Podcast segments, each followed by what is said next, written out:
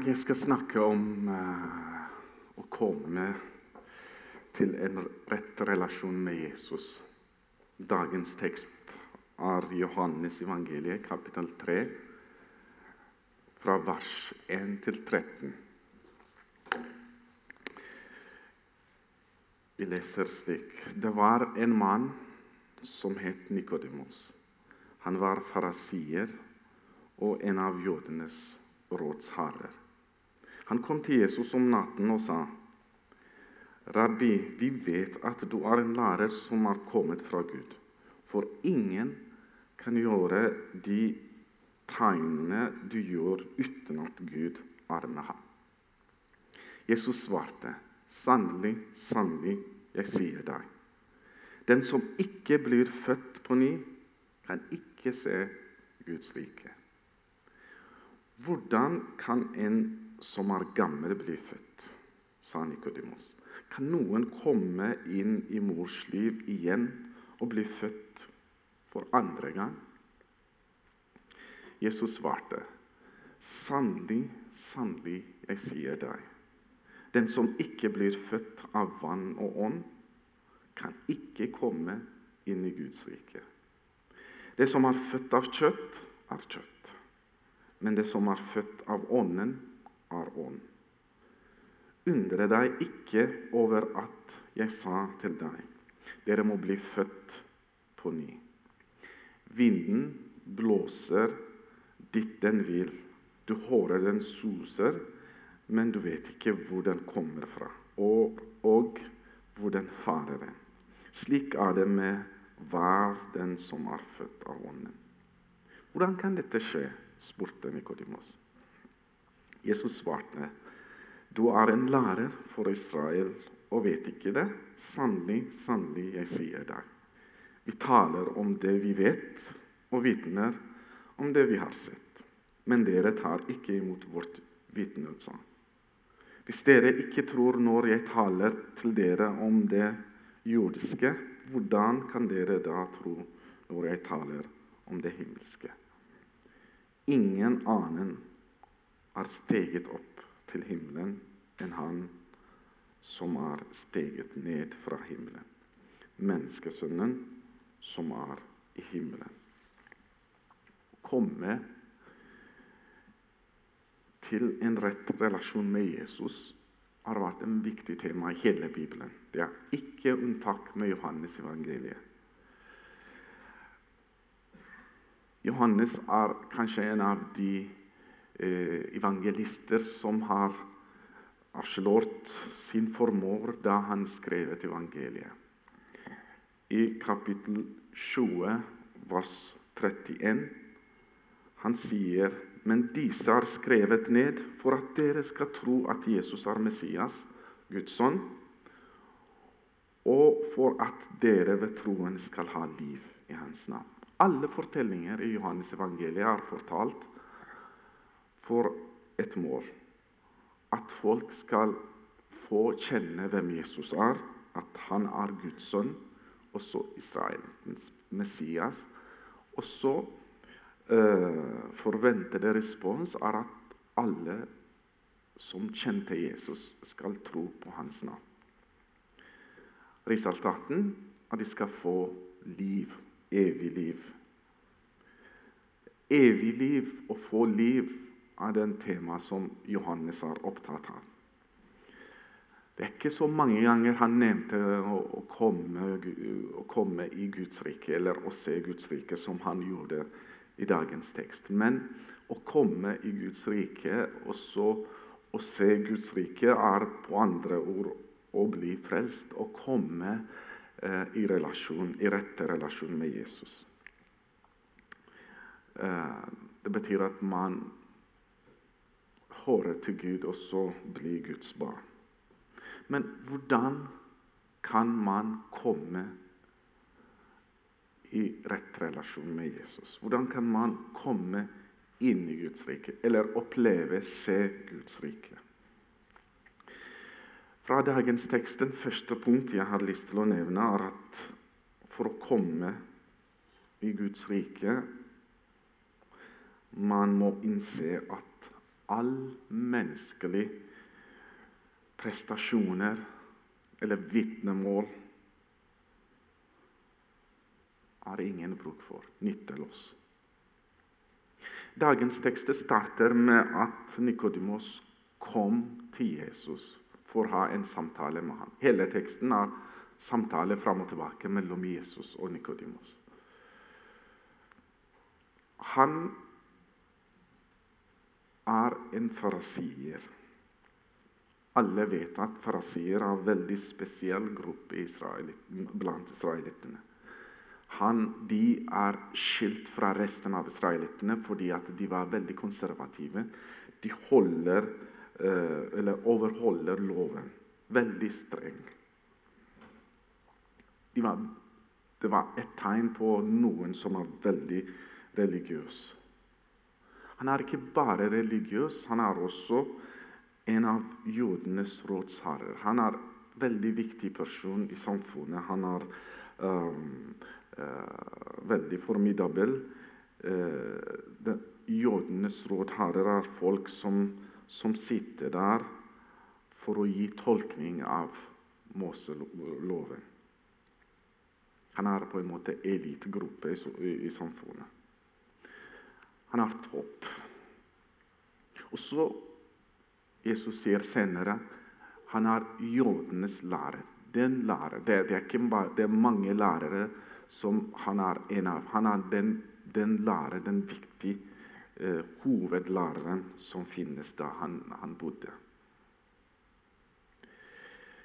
Han er konservativ, religiøs. Han er kjent lærer. Så han har noe autoritet. Tross alt suksess i livet oppsøker han Jesus på natta. Hvorfor kom han på natta? Det vet vi ikke. Kanskje han, han vil ha den uavbrutt samtale med Jesus. Kanskje han, han er en viktig person også. Han, han vil ikke at alle ser han når han snakker med Jesus. Men han kom på natta. Og så begynte å snakke med Jesus. Til og med Han startet med å si noe positivt om Jesus. Han sa, 'Mester, rabbi, vi vet at du har kommet fra Gud.' Vi vet at tegningene som du gjør, bekrefter at Gud er med deg.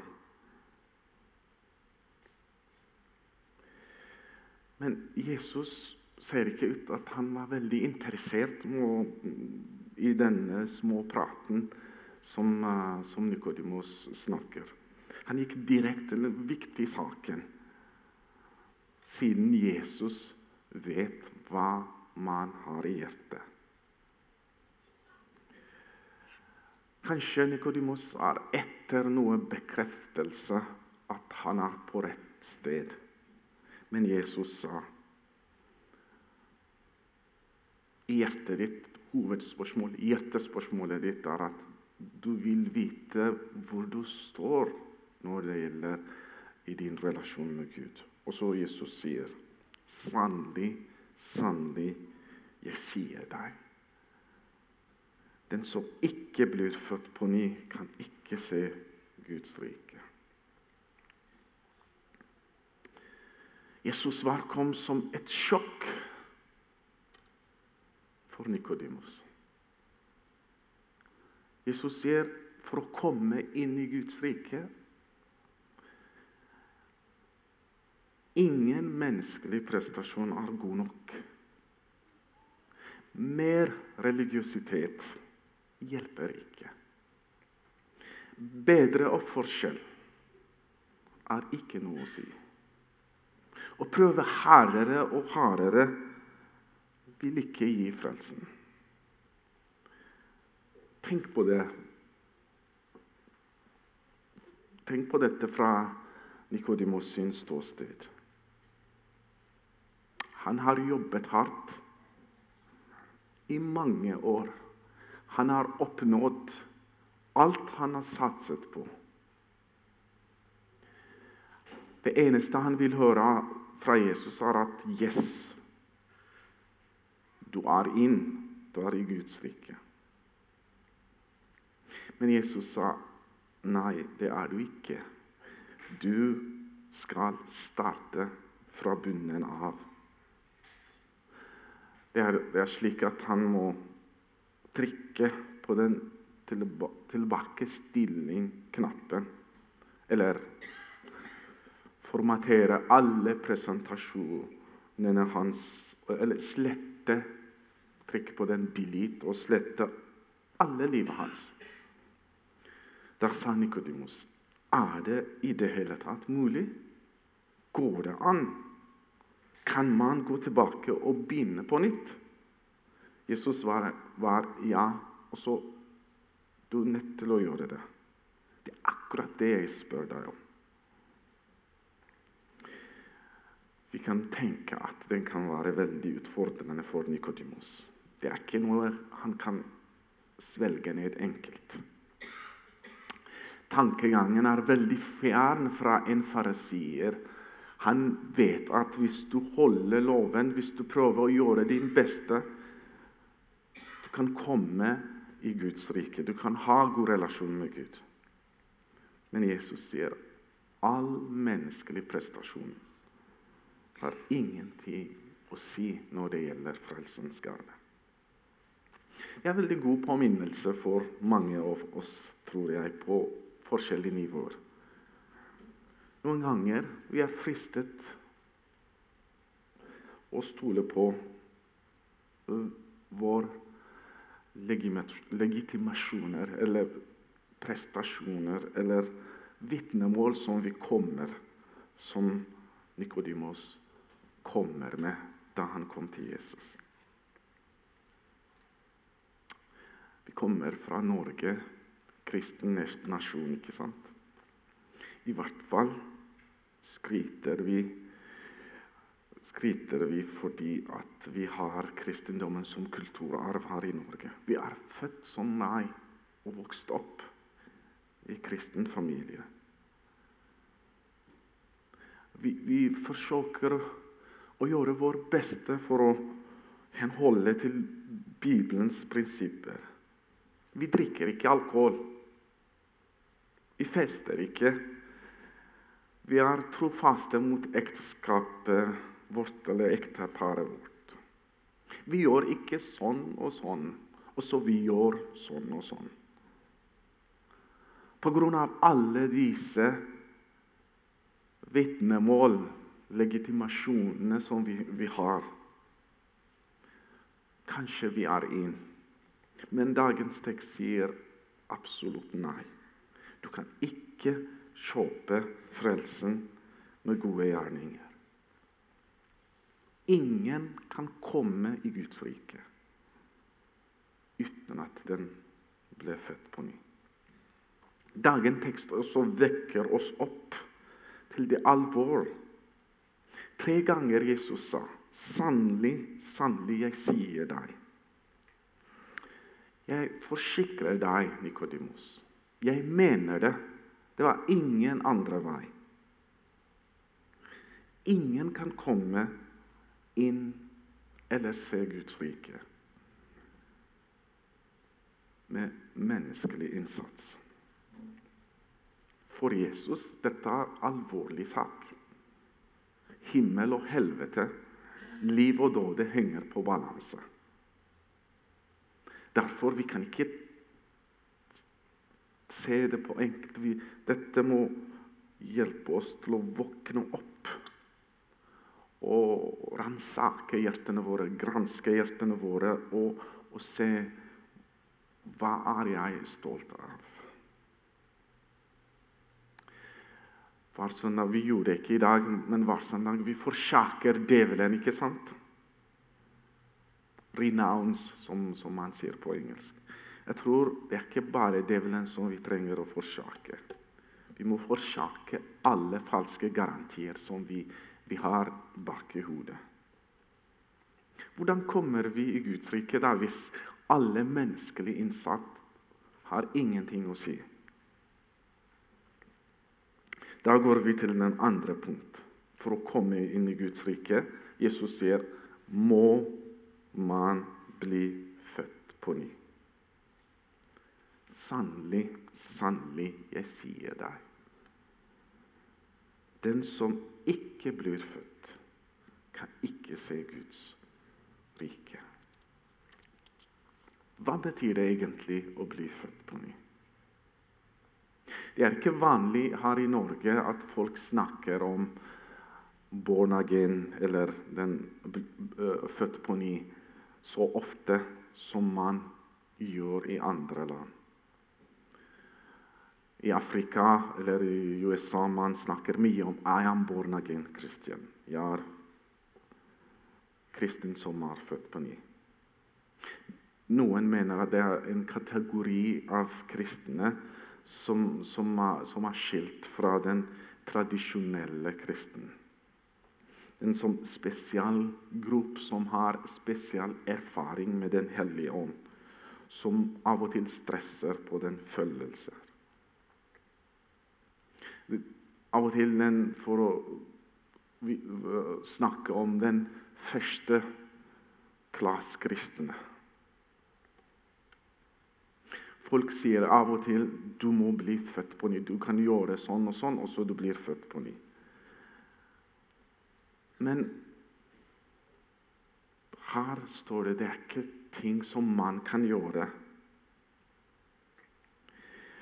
Vers 5 snakker om at det var noe som skjer gjennom vann og ånd. Den som ikke blir født av vann og ånd, kan ikke komme. Og så Jesus peker på den nye pakt som, som Gud har lovet i Gamle testament. F.eks. i Isikiel 36, 25-27. Bibelen sier, 'Jeg stenker rent vann på dere, så dere blir rene.' 'Jeg renser dere for alle urenhet og for alle avgudene.' 'Jeg gir dere et nytt hjerte, og en ny ånd gir jeg inni dere.' 'Jeg tar steinhjertet ut av kroppen deres og gir dere et kjøtthjerte i stedet.' 'Jeg gir min ånd i dere og gjør at dere følger forskriftene mine, holder lovene mine, lever etter dem.'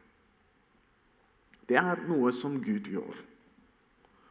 Gud sier, 'Vann jeg skal stenke på dere for å gi dere For å rense dere fra alle urenighet.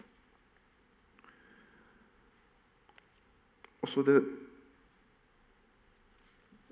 De som er født på ny, de skal oppleve nytt liv. De skal få nytt hjerte, sånn at de kan få å adlyde Guds uh, lov. Derfor å bli født på ny er å, å, ta imot et nytt liv fra Gud. Ny fødsel er Guds verk ved Den hellige ånd, der han planter åndelig liv i mennesker. Han gir nytt liv, slik at vi begynner å oppfatte ting på helt annen måte. Eh, vi får nytt liv, slik at vi får ny identitet i Guds familie.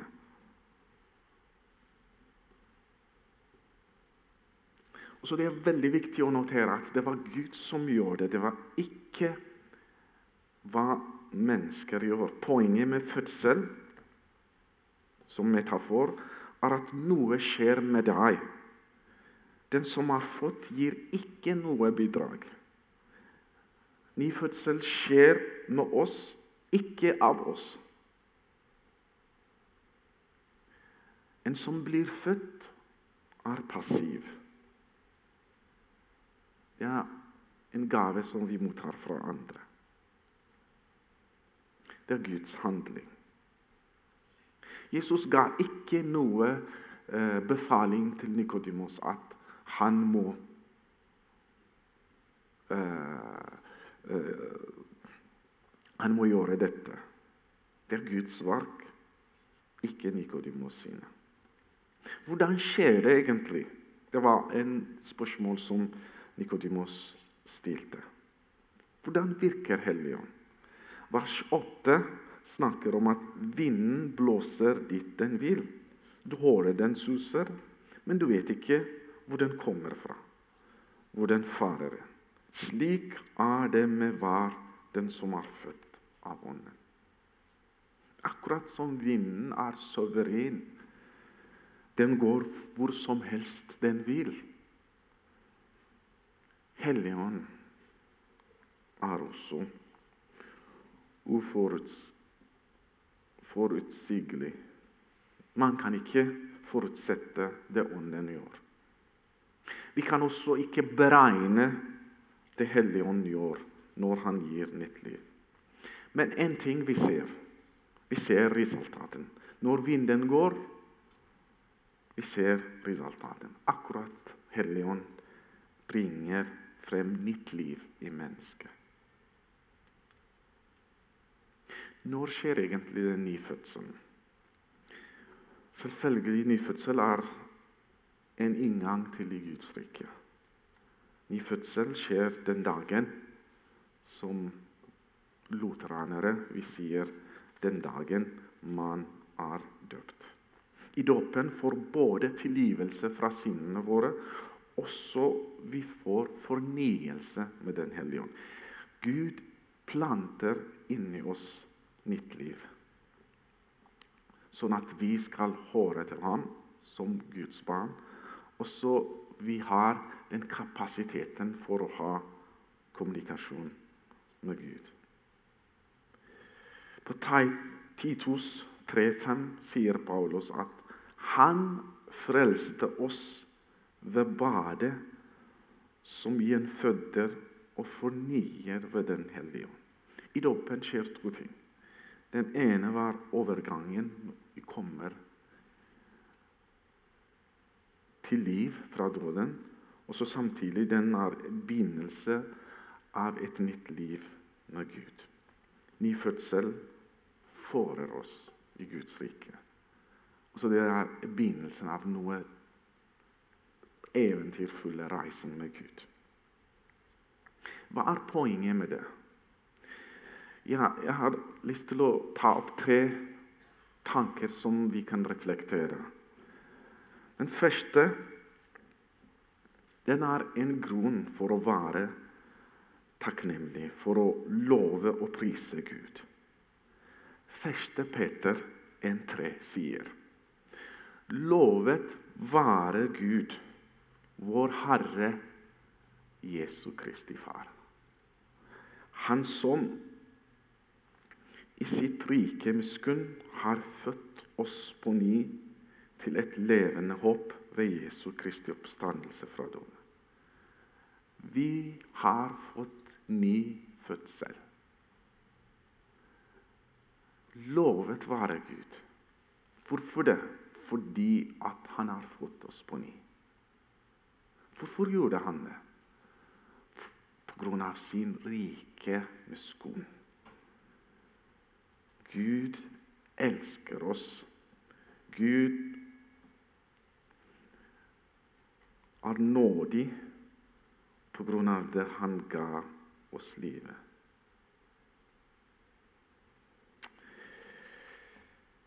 Det er ikke rom for stolthet. Det er ikke på grunn av hva vi har gjort. Gud har gitt oss det livet. Gud gjorde alt. All ære tilhører ham og ham alene. Kjære søsken, i uka som kommer Jeg vet at det var mange vanskeligheter som vi alle lever med i hverdagene våre. Det var tøffe ting som skjer i samfunnet og i hele verden. Og så Det var veldig enkelt å bli opptatt av det og så, tenke så mye om den negative ting som skjer. Men dagens tekst minner oss at vi må love og prise Gud for det han har gjort for oss. Husk å stoppe midt i dagen, midt i kaos i uka, og så ja. Jeg har fått nytt liv fra Gud. Jeg kan være takknemlig for det. Andre tanken jeg skal snakke om, er at uh, nyfødsel er på en måte starten på et dynamisk liv med Gud. Å være kristen er ikke bare å bytte religion. Det er ikke å bytte drakt for å skifte siden fra Arsenal til Chelsea eller sånn. Det er å komme til liv ved Den hellige ånd. Andre Korinterbrev, kapittel 5, vers 17 sier hvis noen er i Kristus, er en ny skapning. Den gamle er borte, den nye er blitt til. Vi er nyskapning. Det er en radikalt start på nytt liv. Siden vi er, vi er gjort levende, må vi leve det livet aktivt. Det forventes av oss å vokse i vårt forhold til Jesus. Mitt liv som vi fikk i dåpen, markerer at noe kurs med Jesus har startet. Dåpen er en, virkelig levende, en levende virkelighet. Dåpen er en begynnelse for den reise med Jesus. Jesu etterfølgelse. Derfor den utfordrer oss. Vi har fått nytt liv, betyr at vi skal leve tett relasjon med Jesus.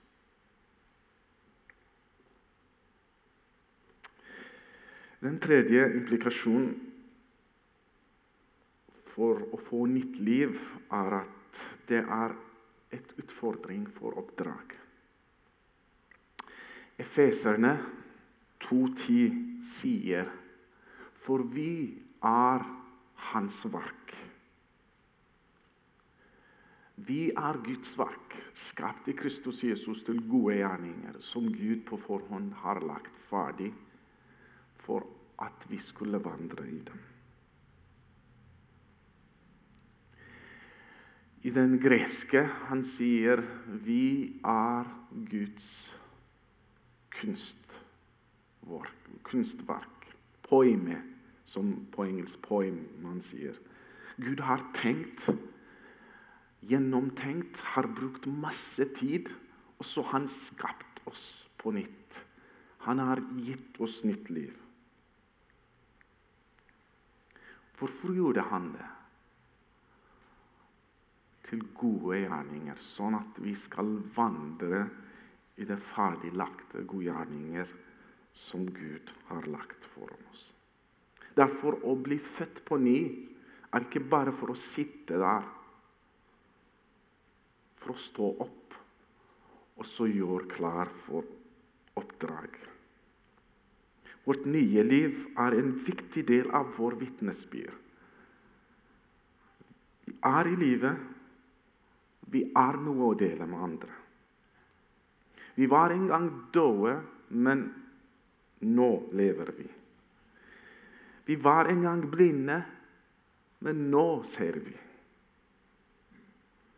Vårt vitnesbyrd er ikke bare basert på gode argumentasjoner.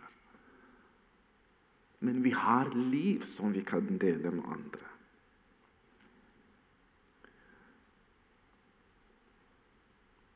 en liv som Gud har utført inni oss. Og så når vi tenker om oppdraget vårt Misjonsbefaling handler om å, å, å gjøre folk, alle folkeslag til Jesu disipler. Men i disippelgjøringsprosess en ting som er veldig viktig, er å dåpe dem og så å lære dem. Vi dåper i troen at Gud gir nytt liv til hver en som ble døpt.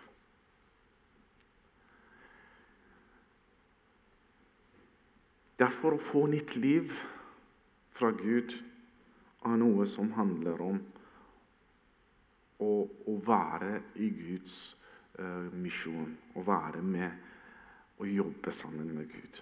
Vi er Guds skaperverk. Guds uh, håndverk eller kunstverk som han skapte gjennom Jesus. Han har gitt oss liv sammen med Jesus pga. hans miskunnhet og kjærlighet. Hvordan kommer vi i rett relasjon med Gud? Vi må innse, vi må tro på at vår menneskelige innsats er verdiløs og nytteløs og meningsløs. Det, det hjelper ikke.